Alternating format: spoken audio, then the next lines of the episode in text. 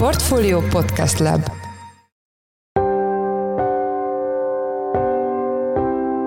Mindenkit üdvözlünk, sziasztok! Ez a Checklist a Portfolio podcastje augusztus 23-án szerdán.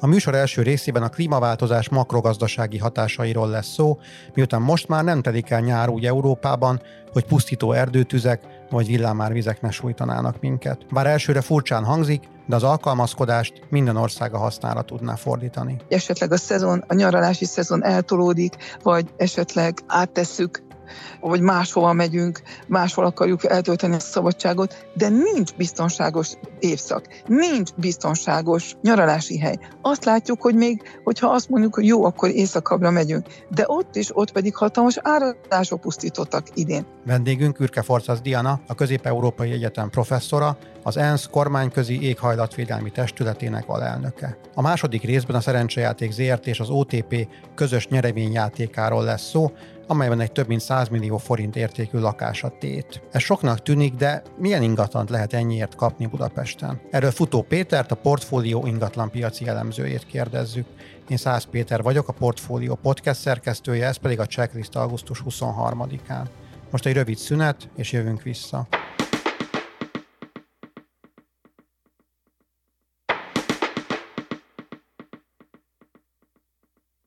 Bár a mostani nyárnak még nincs vége, azt már kijelenthetjük, hogy ez sem telik el erdőtüzek és hirtelen lezóduló árvizek nélkül Európában. Ez pedig előrevetítheti a turizmus átalakulását, a szezon eltolódását, de az egészen biztos, hogy ezek az anomáliák jelentős hatást gyakorolnak mind az európai, mind a globális gazdaságra, illetve az egyes országok nemzeti össztermékére. Itt van velünk a telefonban Ürke Forcasz Diana, a Közép-Európai Egyetem professzora, az ENSZ kormányközi éghajlatvédelmi testületének alelnöke. Jó napot kívánok, üdvözlöm a műsorban. Jó napot kívánok, üdvözlöm a hallgatókat. Nem ez az első nyár, amikor a híreket a természeti katasztrófák tematizálják. Ön szerint kijelenthetjük, hogy ezekkel mostantól együtt kell majd élnünk?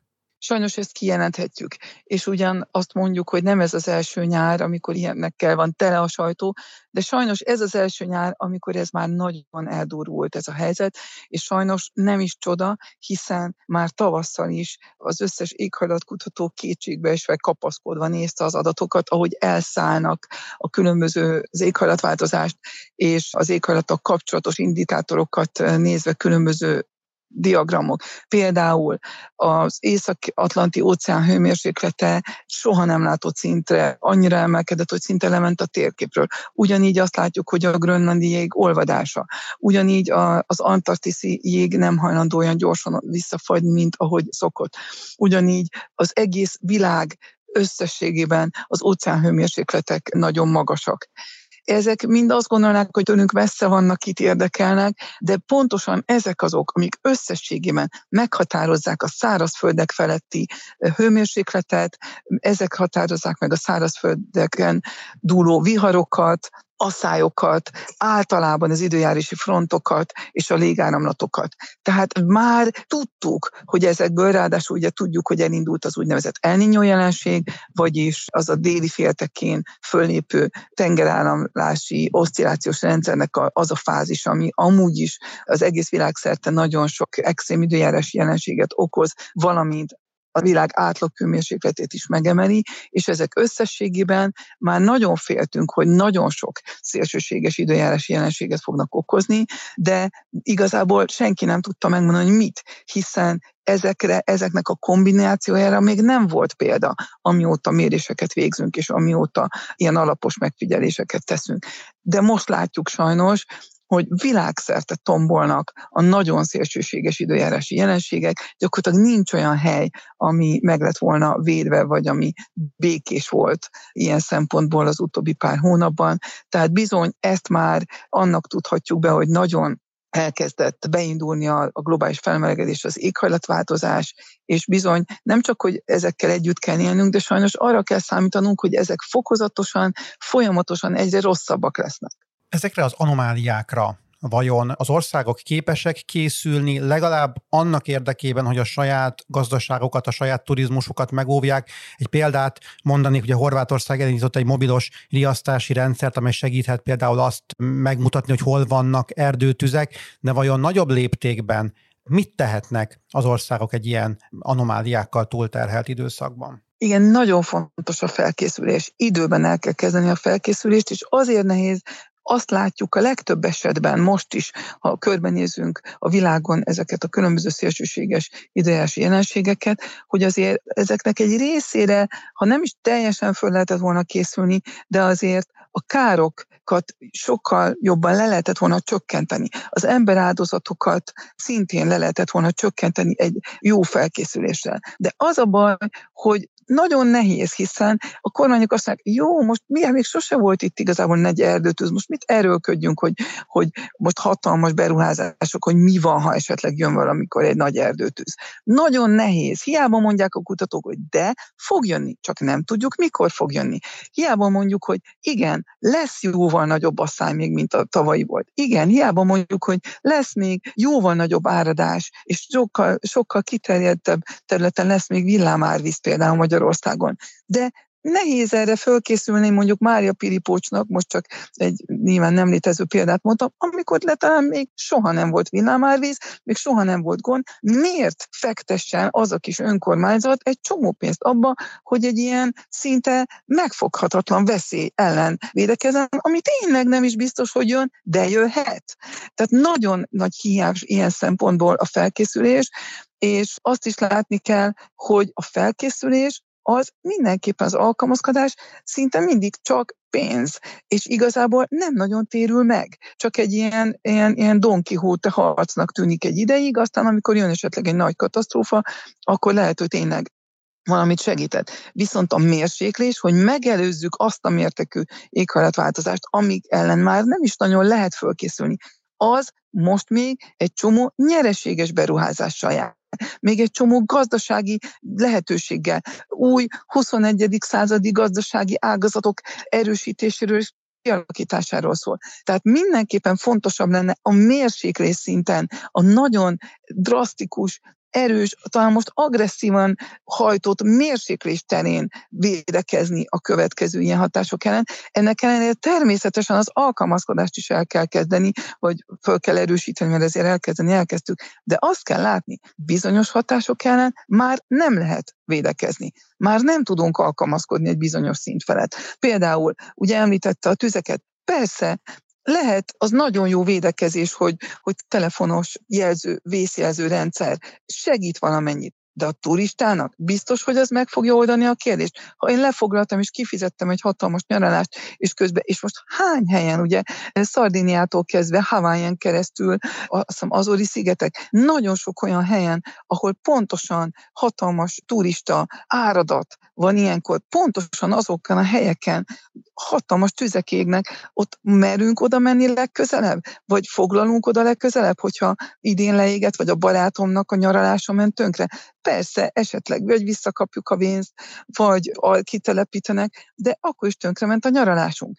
Tehát azt kell látni, hogy egy bizonyos szinten túl már nem lehet felkészülni, nem lehet alkalmazkodni. És ugyan itten említett a kérdésben, hogy, hogy esetleg a szezon, a nyaralási szezon eltolódik, vagy esetleg áttesszük vagy máshova megyünk, máshol akarjuk eltölteni a szabadságot, de nincs biztonságos évszak, nincs biztonságos nyaralási hely. Azt látjuk, hogy még, hogyha azt mondjuk, hogy jó, akkor éjszakabbra megyünk, de ott is, ott pedig hatalmas áradások pusztítottak idén. Tehát igazából nincs biztonságos hely, de természetesen azért ideig, óráig, tehát ehhez a szintű éghajlatváltozáshoz még azért lehetne úgy alkalmazkodni, hogy viszonylag kisebb gazdasági károkkal megúszuk. Pont erre vonatkozna a következő kérdésem, természetesen nem azt várom, hogy itt pontos százalékokat mondjon nekem, a kérdésem arra vonatkozik, hogy meg lehet-e becsülni ezeknek a természeti katasztrófáknak a kárát, és most nem csak arra gondolok, hogy a, az ingatlanokban például mekkora kár keletkezik, vagy hogy mennyibe kerül a mentés, vagy mennyibe kerül a helyrehozatal, hanem tágabb értelemben, akár makrogazdasági szinten lehet-e becsülni egy ilyen erdőtűz, vagy akár több anomália negatív hatását. Pontosan ez nagyon jó kérdés, és sajnos erre vonatkozóan viszonylag kevés az olyan tanulmány, ami tényleg ezeket a komplex együttható tényezőket vizsgálja, valamint ugye a dominó hatásszerűen bekövetkezendő kockázatokat és hatásokat, hiszen általában ezek az események nem egyedül önmagukban hatnak. Most egy példát mondok, például a tavalyi asszály nem azért okozott akkora hatalmas kárt csak, mert volt egy asszály Magyarországon, hanem azért okozott akkora kárt, mert például a határainkon dúl egy háború, és pont a háború miatt pontosan azok a gabona importok estek ki, vagy azok lettek jóval drágábbak, amik egyébként kompenzálták, hogyha Magyarországon ugye tavaly a kukoricatermésünk három ment tönkre, a búzatermésünk negyede ment tönkre, de csak körülöttünk nem lett volna háború, nem lett volna aztán még Indiában és Afrikában, akkor viszonylag könnyen pótoltuk volna ezt a kiesést, viszont így összességében a háború és az asszály és egyéb gazdasági problémák eredményeképpen nagyon megszenvedtük élelmiszer árinflációban. Mi most is tudjuk, hogy, hogy Magyarországon az egyik legmagasabb a világon, Európában feltétlenül, és ez a sok tényező együtthatásoknak az eredménye. Mindenképpen belejátszott a tavaly tavalyi hatalmas asszály is. Ezeket nem lehet előrejelezni, hiszen, és nem lehet rendesen kiszámolni, hiszen például egy háború gazdasági hatását nagyon nehéz kiszámolni, és ha még azt ki tudnánk, akkor hogy ez hogyan hat együtt, például mondjuk egy szélsőséges tűzesettel, egy áradással, vagy egy asszályal, ezt már tényleg lehetetlen precízen előrejelezni. Tehát sajnos ez a baj, hogy, hogy az minden erre vonatkozó számadat, ami létezik, az így izoláltan nézi az éghajlatváltozás hatását. Mi van, ha csak mondjuk egy tűzütbe, vagy egy asszály, vagy egy, vagy egy áradás? Nem. Vagy egy hőhullám. Nem. Általában ezek ráülnek egyéb problémákra, valamint több ilyen hatás általában együtt szokott hadni. Hogyha van egy asszály, akkor sokszor együtt jár tűzesetekkel is. Ha van egy villámárvíz, az akkor általában még a mezőgazdasági talajjaink is tönkre mehetnek, esetleg azok is belvizesek, vagy túlságosan eláradnak. Ezért nehéz. De azért mondjuk egy pár indikátort, tehát egy, egy, egy hozzávetőleges adatot, amiből azért látszik, hogy itt, itt nem kis játékról van szó, tehát itt, itt bizony nem, nem babra megy a játék. Például, ugye említettem nemrég az El Niño jelenséget, vagyis azt az óceánáramlási rendszert, ami, ami pár évente kicsit melegebbé, pár évente kicsit hűvösebbé teszi a világ éghajlatát, és egy kicsit megváltoztatja bizonyos országoknak a helyi időjárását is. Ez egy ilyen elninyó jelenség, egy erősebb elninyó jelenség, ami azért úgy egy-két évtizeden de bekövetkezik így erősebben. Az például az Egyesült Államok GDP-ből még több éven keresztül 3%-ot leírt. Tehát az egész, a világ legerősebb gazdasága, ami ráadásul egy féltekével arrébb van, míg annak és a még egy-két éven keresztül egy ilyen jelenség után is akkora hatása van az USA gazdaságára.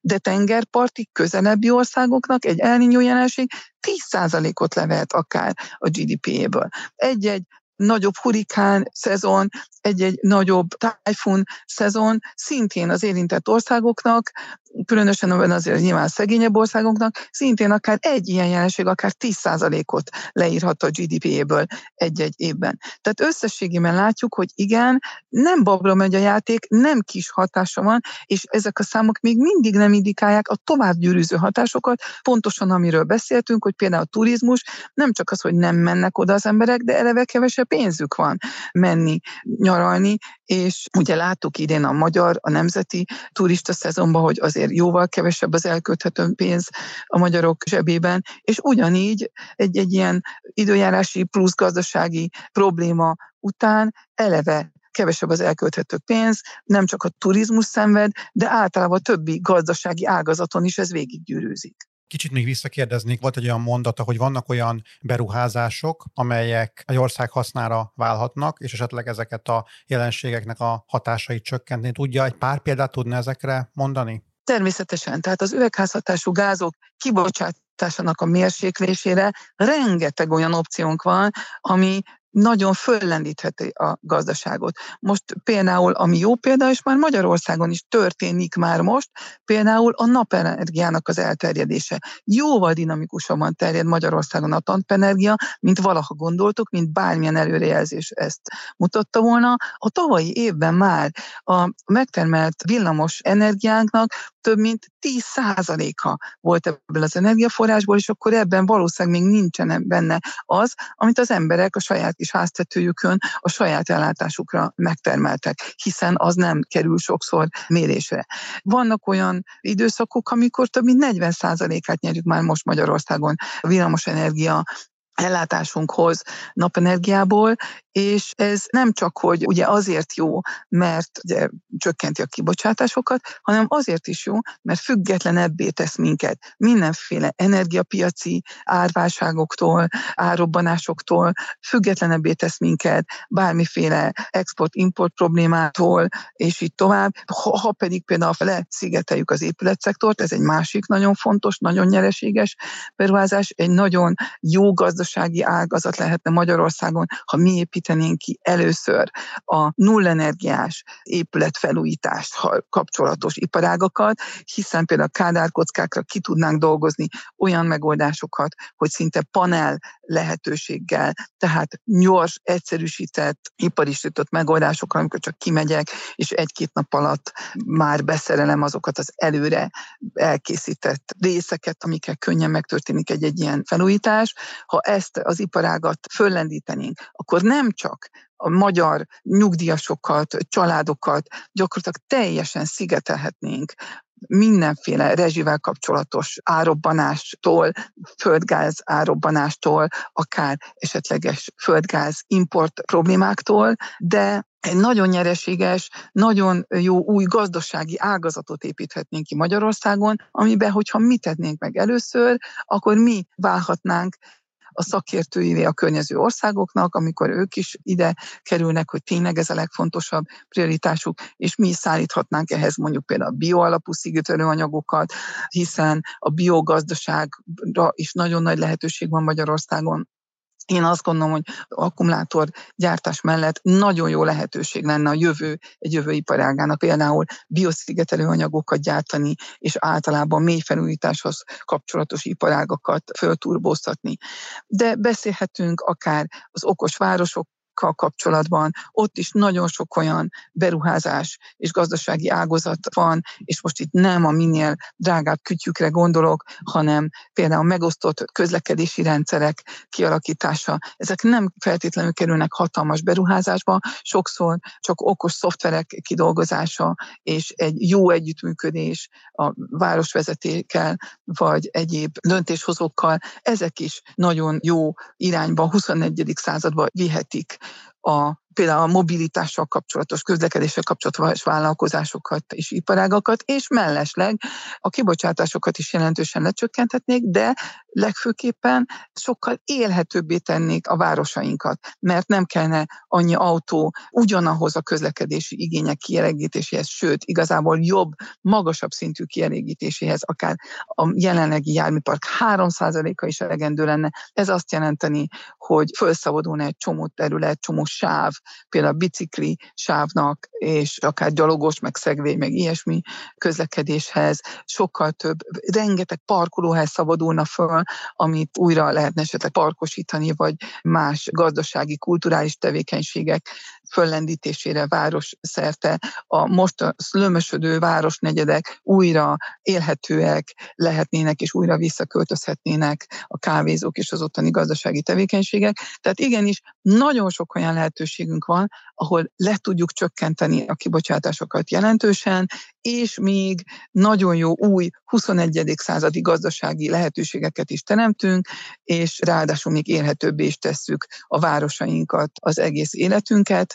Tehát én azt mondom, hogy a legfontosabb még mindig a mérséklés, de agresszíven kellene például, én azt mondom, hogy most nagyon agresszíven kéne a földgázról a háború adta, most idézőben mondom, lehetőségeket kihasználni, és nem azt pótolni, hogy honnan szerezzük be a földgázt akkor máshonnan, hanem azt az iszonyú erőfeszítést és pénzt abba beletolni, hogy sürgősen leszokjunk a földgázról legalábbis, ami a fűtést illeti, hiszen ezzel kapcsolatban tudjuk, hogy teljesen ki lehet váltani a földgáz felhasználást nullenergiás épületekkel, és ez a helyes irány, csak ezt kellene nagyon agresszívan tolni, hogy ezt minél gyorsabban ezt az átmenetet meg tudjuk tenni. Tehát én azt mondom, hogy ez sokkal jobb irány, mint az alkalmazkodásba fetszölni iszonyú összegeket, hiszen gondoljuk bele, hogy egyszerre kell vilámárvizek, hatalmas árvizek ellen, belvizek ellen, asszályok ellen felkészülnünk, a városok hőség ellen, az egész infrastruktúránkat lehet, hogy le kell cserélni, vagy legalábbis fel kell üteni, de szinte lecserélni, hiszen 50 fokos hőségben még az utak is megolvadnak. Tehát egyszerűen olyan mértékben kell egy, egy nagyobb mértékű éghajlatváltozáshoz csak úgy tudunk megpróbálni alkalmazkodni, vagy felkészülni, hogy gyakorlatilag az egész infrastruktúránkat vagy arrébb toljuk, minden partról elrakjuk, és minden ártérről elrakjuk, és, és újjá építjük, hogy mind vihar, mind tűz, mind áradás és hőség biztosabb legyen, azért ezek iszonyatos beruházások. Köszönöm szépen, bízom benne, hogy ezeket a tanácsokat minél többen megfogadják. Az elmúlt percekben Nürke Fortas Diana, a Közép-Európai Egyetem professzora, az ENSZ kormányközi éghajlatvédelmi testületének alelnöke volt a vendégünk. Köszönjük, hogy a rendelkezésünkre állt. Én is köszönöm a lehetőséget.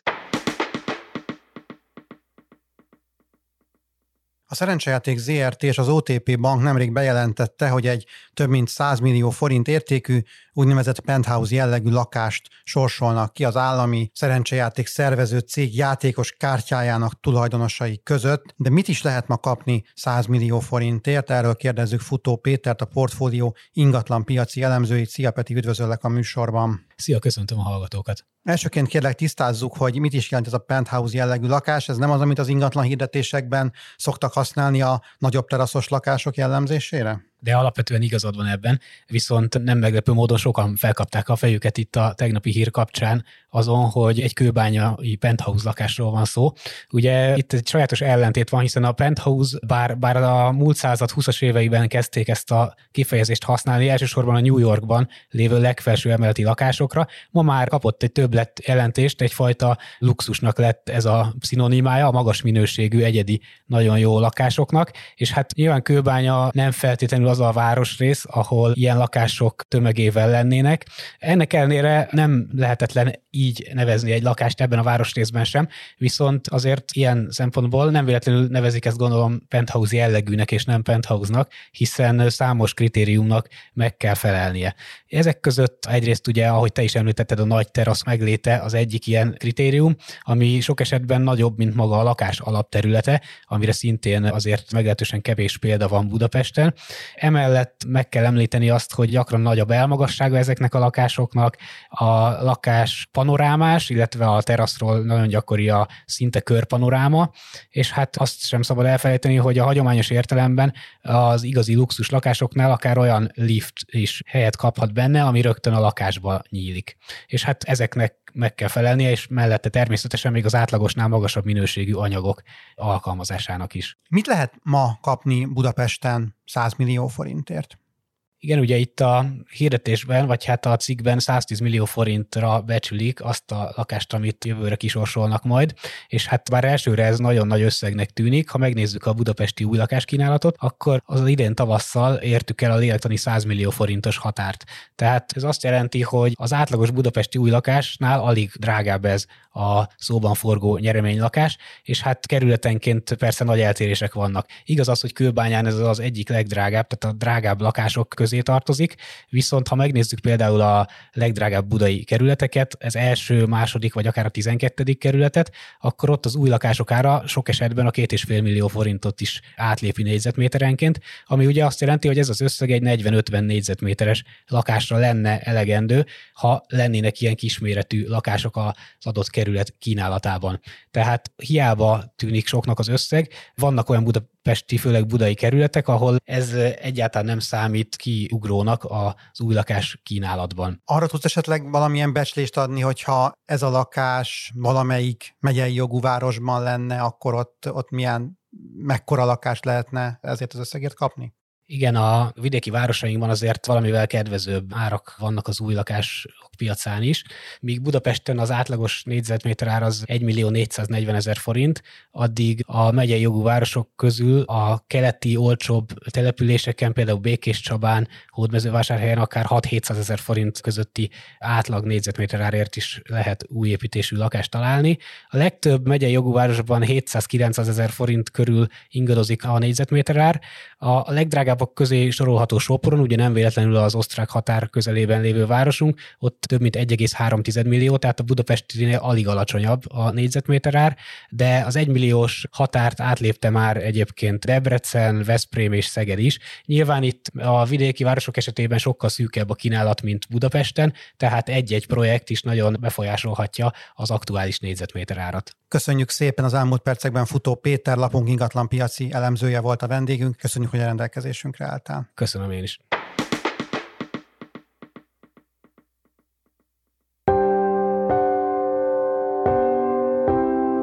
Ez volt már a Checklist, a Portfólió munkanapokon megjelenő podcastje. Ha tetszett a műsor és nem tetted volna, iratkozz fel a Portfólió Checklist podcast csatornára valamelyik nagyobb platformon, például Spotify-on, Apple vagy Google Podcasten. Azt is megteheted, hogy értékelsz minket azon a platformon, ahol ezt a adást is meghallgattad. A mai műsor elkészítésében részt vett Bánhidi Bálint, a szerkesztő pedig én voltam Szász Péter. Új műsorral holnap jelentkezünk, addig is minden jót, sziasztok!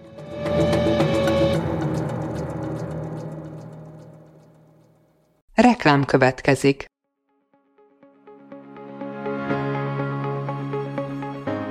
Braun Müller Lajos vagyok, az Agrárszektor főszerkesztője. Májusban két tematikus konferenciát is rendezünk Kecskeméten az agrofood szektor szereplőinek. A május 22-én tartandó Portfolio Agrofood 2024 konferencia az élelmiszeripari vállalkozások, beszállítóik, a szolgáltató cégek és a kereskedők számára nyújt egyedi betekintést az aktuális trendekbe. A május 23-án megrendezendő Agrofuture konferencia pedig egyedülálló módon tematikus formában foglalja össze a hazai agrárgazdaság fenntarthatósági követelményeit és innovációs lehetőségeit.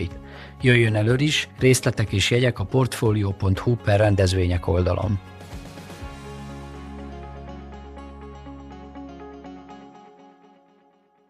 Reklámot hallottak.